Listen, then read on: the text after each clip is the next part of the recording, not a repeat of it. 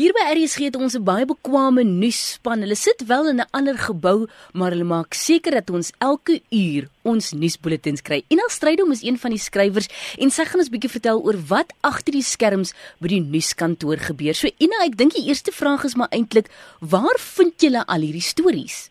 Weet jy, ons het streke, uh, dis soort van in die provinsies ingedeel en in elke provinsie is daar streek en hulle maak die nuus bymekaar. Ons het ook 'n Johannesburgse groep joernaliste en hulle noem ons die input afdeling. So hulle maak die stories bymekaar. Dan kom dit in 'n so in 'n sentrale leer waaruit ons dan nou die stories kies en vertaal. Nou, alles kom in Engels in.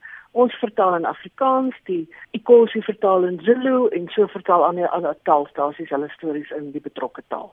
Hoe besluit julle dan watter storie is die hoofstorie of die lei storie? Ek jy mens kyk maar wat is die nuus van die dag? Wat is die belangrike goed? Wat is nasionaal meestal eerder as sê nou maar net in Johannesburg of so? En mens laat jou lei deur die, die hoofnuus van die dag en dis soort van universeel sal mense dan later in die dag sien dit dalk in die koerante ook of op televisie nuus ook of so. So mens laat jou maar daardeur lei.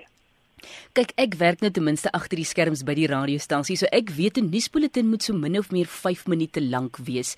Hoe bepaal jy hoe lank elke storie gaan wees?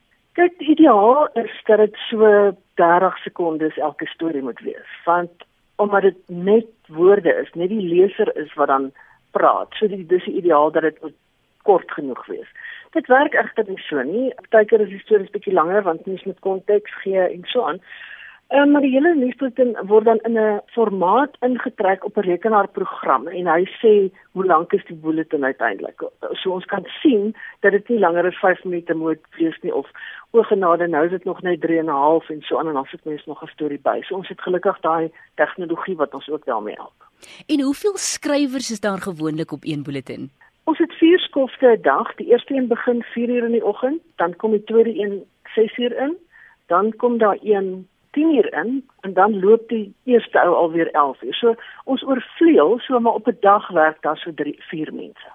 En dan Ina uiteindelik as jy nou klaar is met julle deel, hoe werk die proses vir die bulletin wat jy klaar geskryf het om uiteindelik by die nuusleser uit te kom?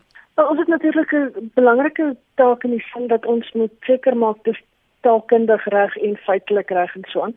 En ons reëling is dat dit so teen 20 voor by die ateljee moet wees, dat die lesers dan tyd het om voor te berei en om te vra as daar sê nou maar uitspraak vra is en so en so ons sit dit dan in daai formaat wat ons op die rekenaar het en ons stuur dit dan af ateljee toe en die leser kry dit dan daai kant by die drukker en gaan voort daarmee.